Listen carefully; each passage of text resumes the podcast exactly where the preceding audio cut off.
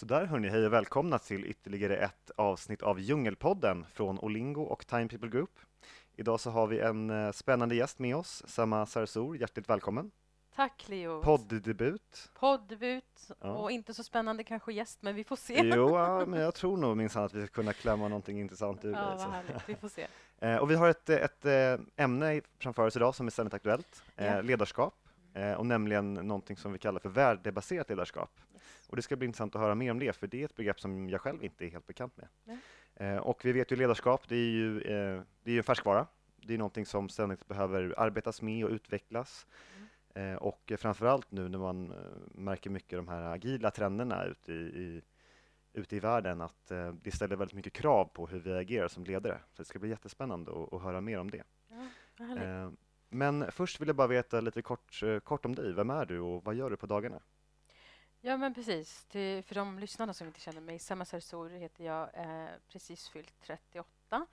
Eh, det jag gör om dagarna är att jobba ganska mycket. Eh, är ko- eh, konsult hos ett av våra dotterbolag, F3, eh, inom Time People Group eh, och har ett konsultbolag eh, sedan drygt två månader tillbaks där jag sitter på trafikförvaltningen i Region Stockholm eh, och är med och leder ett av deras största webbteam ehm, som jobbar just med att eh, upprätthålla en fungerande trafik eh, eller kollektivtrafik för allmänheten. Eh, så ett väldigt samhällskritiskt uppdrag som jag är enormt stolt över att få vara del av. Definitivt. Och hur är ledarskapet där? Känner du att du... Jag finns ju där. Nej, ska jag? Absolut inte. Jag tycker att eh, det, av det som jag har sett hittills, jag har ju inte varit där mer än två, två och en halv månad, så tycker jag ändå att det är ett bra och sunt ledarskap och framför allt att det ges möjligheter till människor att ta ansvar för att eh, vara goda ledare. Mm. Och det där är en sån himla viktig aspekt. Jag vet eh, själv från tidigare erfarenheter att, att, liksom att ledarskapet måste fungera Ja. för att medarbetarna ska må bra och kunna, kunna göra ett bra jobb. Eh, Men du brinner ju väldigt mycket för ledarskap. Mm. Hur kommer det sig? Alltså jag har ju, jag brukar säga ledarskap är ett av mina liksom starkaste signum och jag har fått med mig det sedan jag var bebis i princip. Eh, jag har en storebror som det är 11 månader mellan oss. Eh, vi brukade eh, driva och skratta om att mina föräldrar hade så lite att göra på den tiden. Eh, men han var alltid den som skulle dra i min napp när jag var bebis. Så jag bestämt drogs tillbaka min napp och sen så växte vi upp och lekte och jag var alltid den som skulle liksom försöka visa att här finns jag och jag ska leda oss fram på olika sätt. Sen så när jag var fyra, fem års åldern så kallade eh, mina föräldrar mig för den lilla advokaten för att jag gick lite för hårt fram ibland när jag såg att kanske brorsan blev orättvist behandlad och skulle försvara honom när han egentligen kanske inte behövde det, men jag tyckte det. Eh, och jag var emot orättvisor, så jag visade också ganska starkt när jag såg att någon kanske blev orättvist behandlad eller retad eller elakt bemött och, och tyckte liksom att jag behövde steppa in och bryta det. Eh, så det har liksom följt med mig ända upp i vuxen ålder Mm. eh, på något sätt. Ja, Jag har själv en, en år yngre bror, så det här med att dra, dra i napparna och sno varandras grejer känner jag, känner jag väl igen. Eh, Men, men just det här som vi pratade om, då, värdebaserat eh, ledarskap. Är inte allt ledarskap värdebaserat någonstans i grunden? Eller vad, vad är det man menar? Värdebaserat ledarskap eh, bekantade jag, bekantades jag med eh, i samband med att jag gick en kurs, en utbildning, en väldigt lång utbildning som hette just värdebaserat ledarskap och det har ju grundat sig i scoutrörelsen. Så den utbildning som jag gick eh, runt 2012, tror jag att det var, ehm, eh, den är ett samarbete mellan eh, Kungens stiftelse för ungt ledarskap och Scouternas fol- folkhögskola. Så det var, jag hade ett engagemang på den tiden i en fredsrörelse eh, som hette då Svenska muslimer, fred och rättvisa. Och eh, där så fick vi också möjligheten att gå värdebaserat ledarskap. Ehm, så det begreppet handlar just specifikt om att du ska kunna leda utifrån dina värderingar. Och för att kunna, för att kunna leda utifrån sina värderingar så behöver man ju också någonstans landa och grunda sig i vad är mina värderingar? Att komma liksom i kontakt med dem och veta vilka värderingar har jag och varför är de viktiga och på vilket sätt leder jag eh, mig själv framför allt och hur kan jag leda andra med, eh, genom mina värderingar. Så det, det är en, en självrannsakan man, man måste börja med då lite, att eh, liksom Ja. inte syna sig själv lite. Vem, vem är jag och, och vad står jag för? Och, Ja, precis, vilka värderingar har jag? Om det är så att med, för mig själv till exempel så eh, har ju, har ju liksom rättvisan som en väldigt stark värdering. Eh, ärlighet som en väldigt stark värdering. Så, sen kan man bygga på med många fler. Det behöver inte vara liksom ett eller två. Vi är olika som individer och kan ha olika värderingar. Men rättvisa och ärlighet har alltid varit det som har drivit mig. Och det kan ju också gå tillbaka till så här, vilken eh, uppfostran eller vilken uppväxt man har haft. Jag är född som flykting eh, och, eh, och har liksom en flyktingbakgrund. Kom hit som eh, tredje generationens flykting till Sverige. Ehm, och då har ju liksom rättvisepatoset också vuxit väldigt starkt inom mig. Eh, och att förstå mina rättigheter som flykting har också varit viktigt. Eh, så att det har ju format mig på något sätt, flyktingskapet och komma in till ett land med, med föräldrar som hade fyra små barn. Eh, lämnade liksom allt bakom sig. I, i liksom, vi födde flyktingläger i Damaskus i Syrien. Eh, och eh, det har ju format också och påverkat hela min liksom, livsexistens. Um, och någonstans på vägen har ju det här med att kunna leda mig själv um, alltså hjälpt mig att förstå också vad det innebär. Varför vill jag, varför vill jag leda mig själv? Varför vill jag leda andra? Uh, och det som är så intressant att jag jobbade ju jag, kom, jag kunde komma tillbaka lyckligtvis till Syrien uh, när jag efter mina studier läste juridik.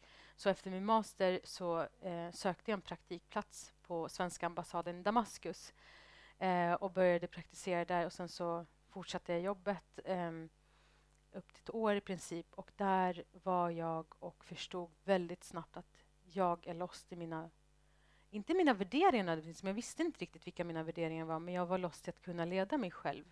Och jag insåg också vikten av att leda andra. Diplomaterna man mötte där var oftast väldigt så här, eh, trygga, självsäkra. De visste precis här, vilken riktning man skulle ta och representera sitt land i. Och jag kände mig sån, jag vill också vara det så. Du, sa, du sa att du kände dig lite lost. Liksom. Hur, hur kom det sig att, att för jag tänker ändå att, att för mig begreppet värdering, jag tänker att de är på något sätt inbyggda, de har man ju liksom alltid där. Men hur, mm. hur, hur, gjorde du för att, för att lyckas hitta de här, den här vägen fram? När man, när man som ung kvinna, jag var då 21 när jag var på ambassaden och jobbade och jag fick den här fantastiska möjligheten att jobba med en väldigt svår fråga, just mänskliga rättigheter som också nu som vi kan se med utvecklingen i kriget Syrien inte är en, en sån accepterad fråga att arbeta med. Um, så då krävs det också att man är väldigt medveten om vem man är.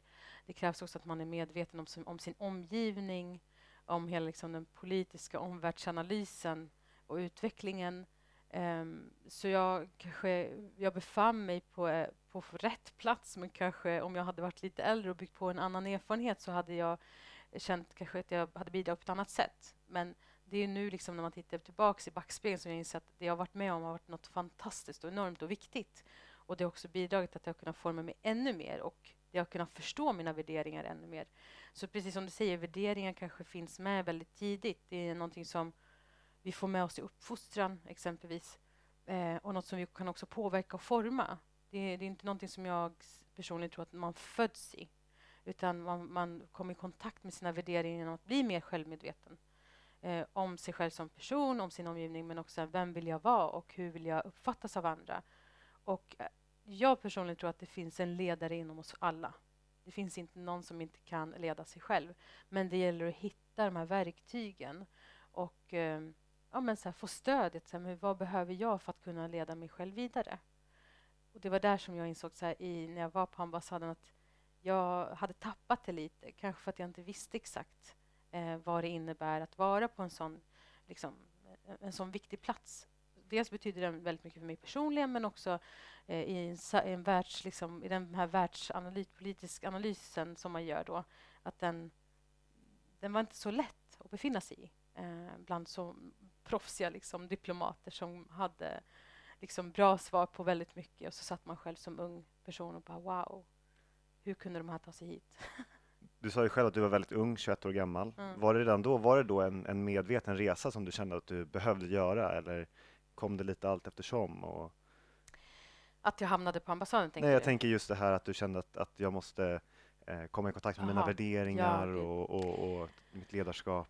Nej, men det, det, hände ju en hel del när jag var på ambassaden. Eh, det triggade igång massa saker och processer i mig. Bland annat så fick jag vara med och se eh, när Sverige var med och eh, tömde ett flyktingläger. Vi tog emot kvotflyktingar, vilket innebär att det väckte en hel del inom lilla Semma som kom som femåring flykting till Sverige.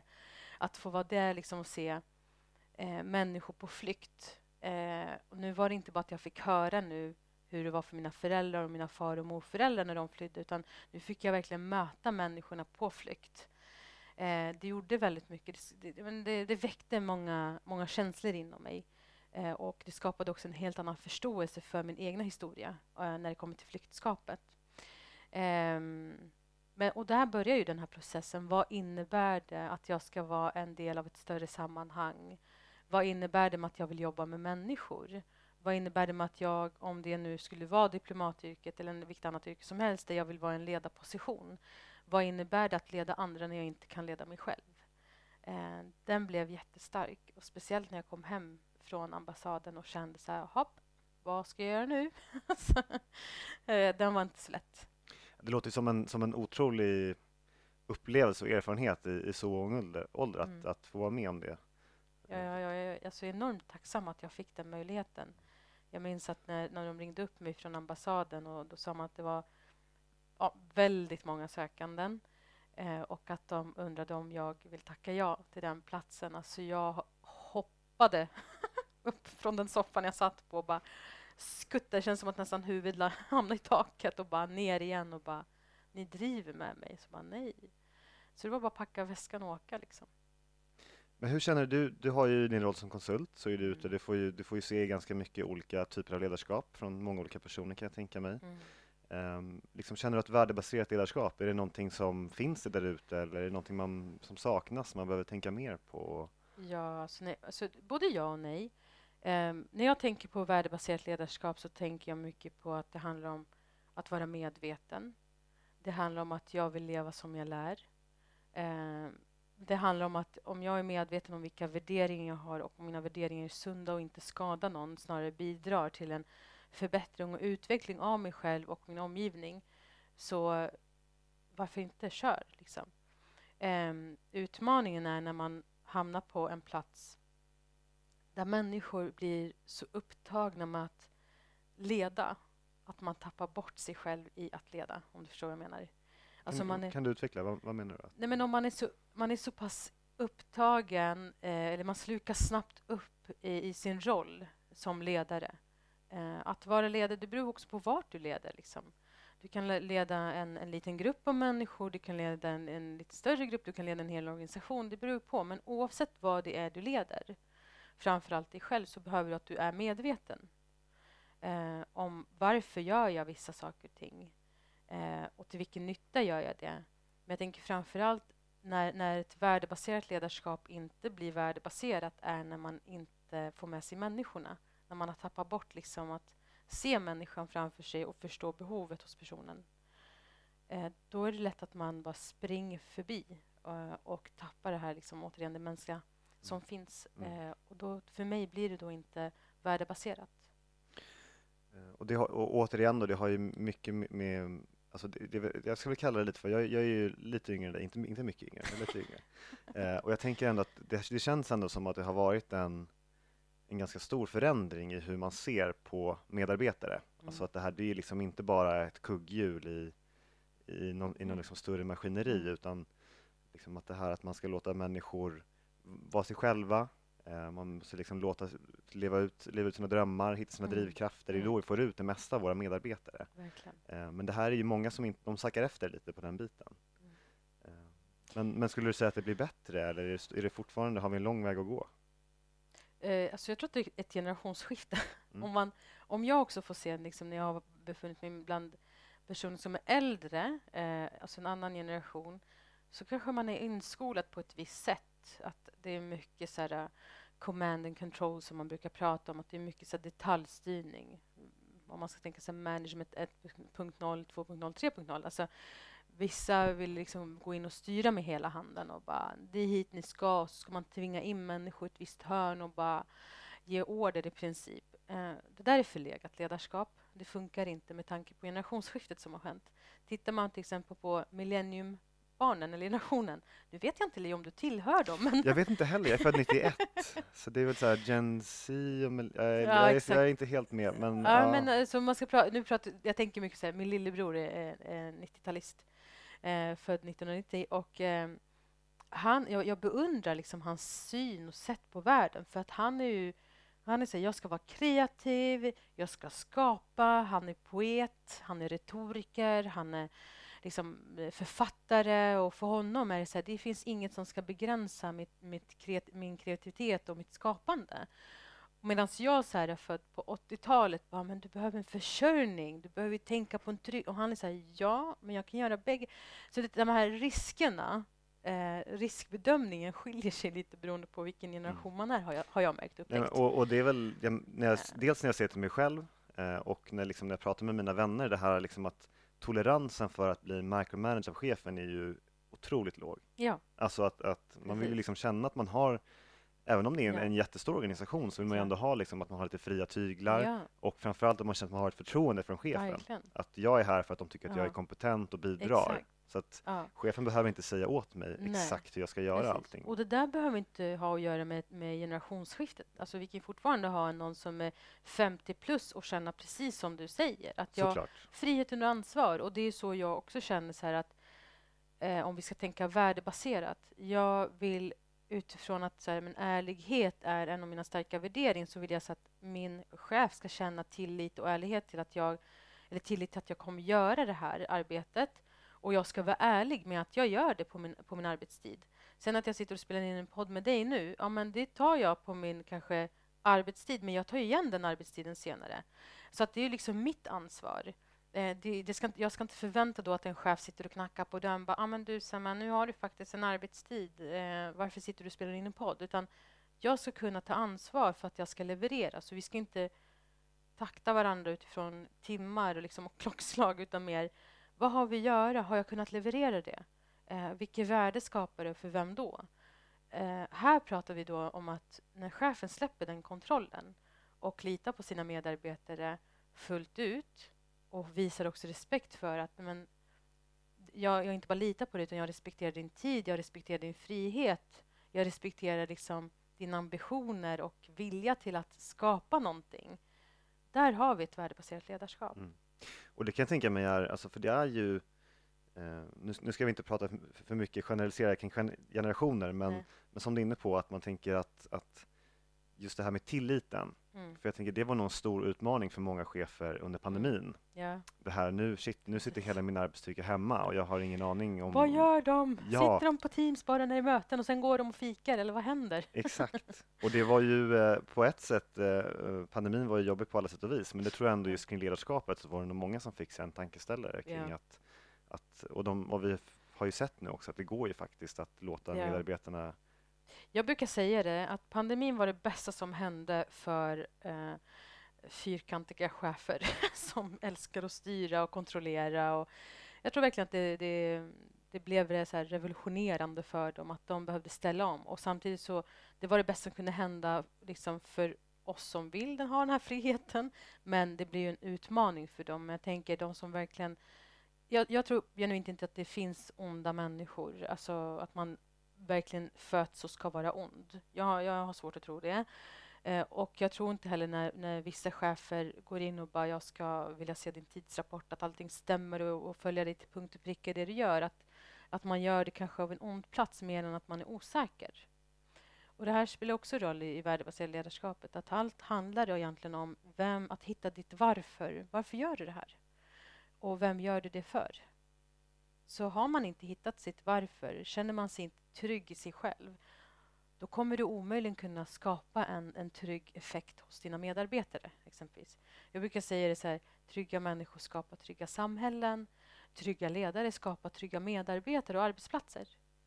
Så allt går ju tillbaka till vem vill jag vara och hur kan jag liksom applicera det eh, hos dem jag jobbar med.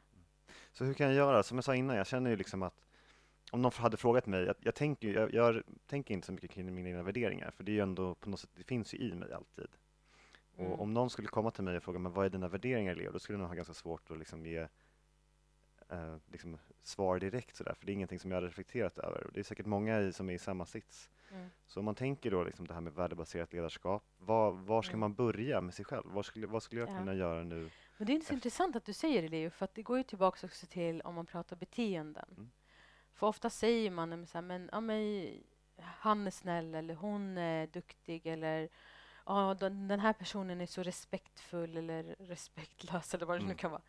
Och det är ju egentligen ord som beskriver hur människor är. Men, eller som talar om hur människor är, men den beskriver inte beteendet i hur människan är. Och det här är också så intressant liksom, om vi ska prata värdebaserat ledarskap kopplat till förändringsarbetet eller förändringsledning, där vi liksom ska vara väldigt starka i det.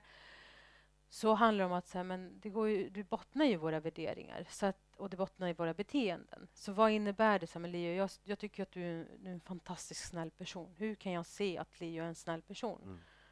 Då behöver jag ju förklara, så här, sätta ord på, ja, men det är du när jag ber dig till exempel, när jag kom in förra veckan till kontoret och hade, var så stressad för jag skulle hålla en utbildning förändringsledning och sen så funkade inte skrivaren, jag fattade inte hur du gjorde. Och så jag bara, Leo, kan du hjälpa mig? Och jag såg att du satt upptagen. Men du tog av din tid, följde med mig, installerade det som behövde installeras på min dator, stod med mig vid skrivaren, säkerställde att jag fick upp mina, ut mina dokument. Alltså det var den snällaste handlingen där och då. Så det visar ju inte bara att du, alltså det är inte bara att du säger att du är snäll Eh, och beskriver med de orden. Jag kunde se det genom att du faktiskt hjälpte mig där och då och säkerställde att jag fick det jag behövde. Du är en snäll människa, du liksom lever dina värderingar på det sättet. Och jag tycker det är bra att du säger det, för att det är ofta så att man, vi slänger oss med olika begrepp. Men vi stannar inte upp och tänker, vad betyder de egentligen? Dels för mig själv. Hur kan jag, hur kan jag veta, så hur noterar jag på mig själv att jag nu är alla de här grejerna som jag säger att jag är? Men också, hur uppfattas jag av andra? Eh, och den här brukar oftast vara utmanande för framförallt ledare och chefer. Eh, att man kanske slår sig för bröstet att jag ger mina medarbetare en frihet. Så här, ja, men vad fantastiskt. Så frågar man friheten, "Nej, tycker ni att er chef ger friheten? Ja, jo, no. Den jättesvår att besvara. Mm. Så att, hur, hur skapar man en verklig bild? Alltså, ens självbild, stämmer den överens med hur, hur andra uppfattar den? Den behöver man ju också vara liksom... Man behöver ha mod till att prata kring. Jag skulle precis säga det, det, väl, det kan vara väldigt läskigt att verkligen se sig själv i spegeln alla gånger faktiskt. Så Ja, men att, eh, precis. men, men, liksom vad, så att, men är, det, är det där man ska börja då? Att, att liksom bara verkligen bara reflektera lite kanske kring, Ja. liksom, har du något tips? Hur gör du själv? Skriver du ner? Liksom, hur, eh, Du går värdebaserat ledarskap. Nej, men det var så jag gjorde. Jag började med att gå värdebaserat ledarskap genom, som jag nämnde, eh, Kungens stiftelse för ungt ledarskap och Scouternas eh, folkhögskola. Men det behöver inte alla göra. Det är inte det jag säger, för att det finns också en viss åldersgräns för den. Men däremot, du nämnde ju en viktig grej, reflektion. Mm. Jag tror att vi är jätteupptagna av oss som människor överlag. Eh, det är mycket som händer hela tiden. Är det inte jobb så är det springa liksom, på olika aktiviteter med barnen. Har man inte barn så ska man hinna träna. Man vill hinna umgås med människor runt omkring sig. Det, det är många saker som ska hända hela tiden. Jag vet inte varför vi människor har liksom skapat oss den tillvaron. Det är jätteroligt, det är jätteintressant. Det är inte det. Eh, jag säger inte att man ska sluta med allt det, men däremot behöver man hitta tid till reflektion. Reflektion gör att man kan stanna upp i sin vardag och tänka efter kring, okej, vart befinner jag mig idag? Varför gör jag det jag gör? Vilket värde tillför det? Hur mår jag i det jag gör? Vill jag ens göra det här? Alltså när man börjar reflektera kring sig själv och sin omgivning, det är då man börjar få svar också. Att så här, men är jag på rätt plats? Um, är jag en schysst kollega, vän, liksom, syster, dotter eller vad det nu kan vara? Uh, och sen så får man därefter, så här, det som jag inte är nöjd med, kan jag börja skriva ner kanske på ett papper. Så här, men okej, det här behöver jag förbättra. Och så får man ju kanske prioritera så av de här sakerna som jag nu skrivit ner. Vad är mest kritiskt? Vad behöver jag absolut ta tag i? Och sätta sen prioordning ett till vad nu är du har på listan, fem. Och sen så bara börja smått. Inte ta allt på en gång, utan börja smått. Om det handlar om att jag aldrig hinner ti- hittar tid för återhämtning i min vardag. Det kan vara att jag inte tar en promenad som jag vet gör mig liksom bra med energi, så här, ute i skogen. Det är kanske där jag ska börja. Det behöver inte vara liksom de här stora, gigantiska förändringarna. Men reflektion är ett starkt verktyg. Eh, och det, jag tycker det är väldigt intressant med värderingar, för de allra flesta av oss vi har ju ganska många gemensamma värderingar. Att man ska inte, vi ska inte mörda varandra, vi ska inte stjäla. Men hur är det att leda för vissa människor, du, du säger rättvisa var ju någonting som är väldigt viktigt för dig mm. och det är inte lika viktigt för alla människor. Nej, det betyder ju olika för olika människor. Så också. är det definitivt. Mm. Men, men, men hur, är, hur är din erfarenhet att leda människor som kanske inte har exakt samma värderingar som du själv? Mm. Hur, hur kommer det, det här värdebaserade ledarskapet in i det? Att, att du är väldigt trygg i vem du är och vad som är viktigt för dig, ja. men personer som kanske inte Nej. delar de värderingarna riktigt. Har, Alltså jag tror inte det handlar om att jag behöver inte leda människor som delar mina värderingar. Alltså det är inte dit vi ska. Utan jag behöver leda människor utifrån vart de befinner sig. Alltså det är mötet med människor som spelar roll.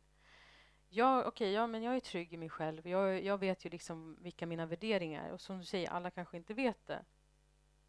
Men jag tror verkligen på dialog som, som, en, som ett starkt liksom, verktyg och storytelling. Men att ha förmågan att lyssna, verkligen aktivt lyssna på vad är det Leo säger nu.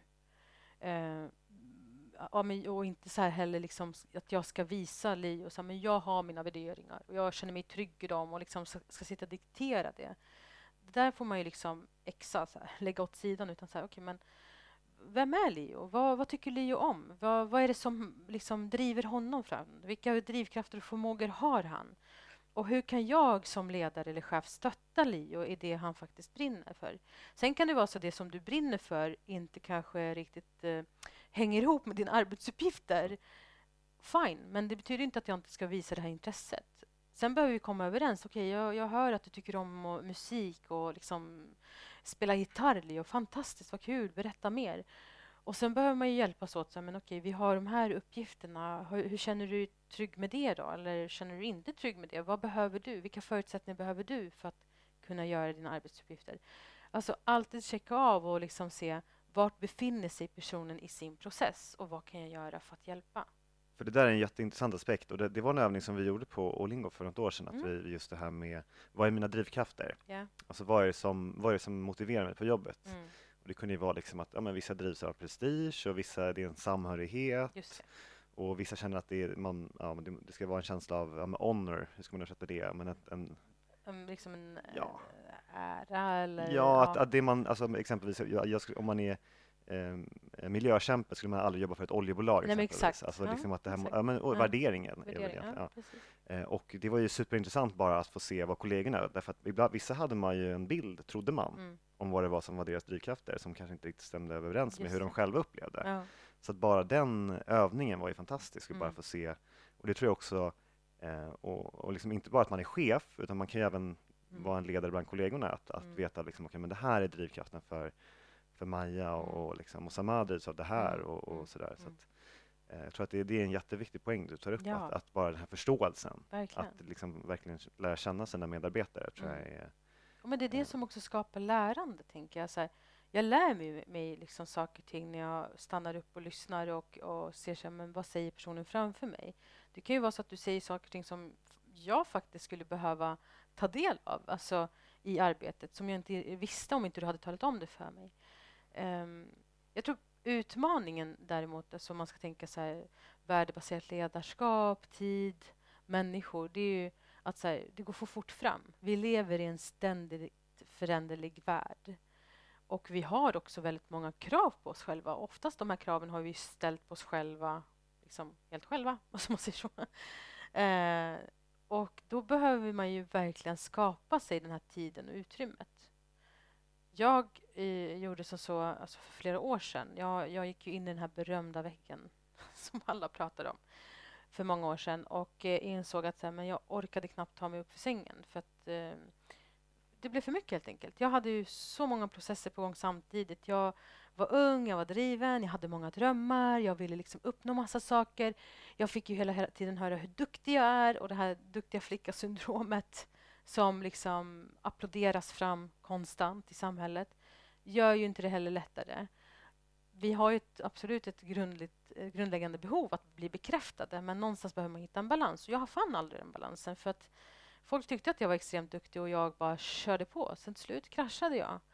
Eh, och när jag gick sen på eh, en terapi, så här, terapibehandling bara för att så här, försöka hitta mig själv igen och få hjälp så att komma därifrån där jag var så var det så men jag måste stanna upp i min vardag. Jag måste hitta luckor där jag hämtar energi. Eh, så jag utvecklade ett system där jag dels eh, alltså skrev i kalendern, i mitt schema, reflektionstid. Alltså jag blockade av reflektionstid i min kalender. Jag blockade av tidiga morgnar så att ingen kunde boka mig. Så här, men jag är på jobbet åtta, ja, men jag är inte tillgänglig för möten förrän nio.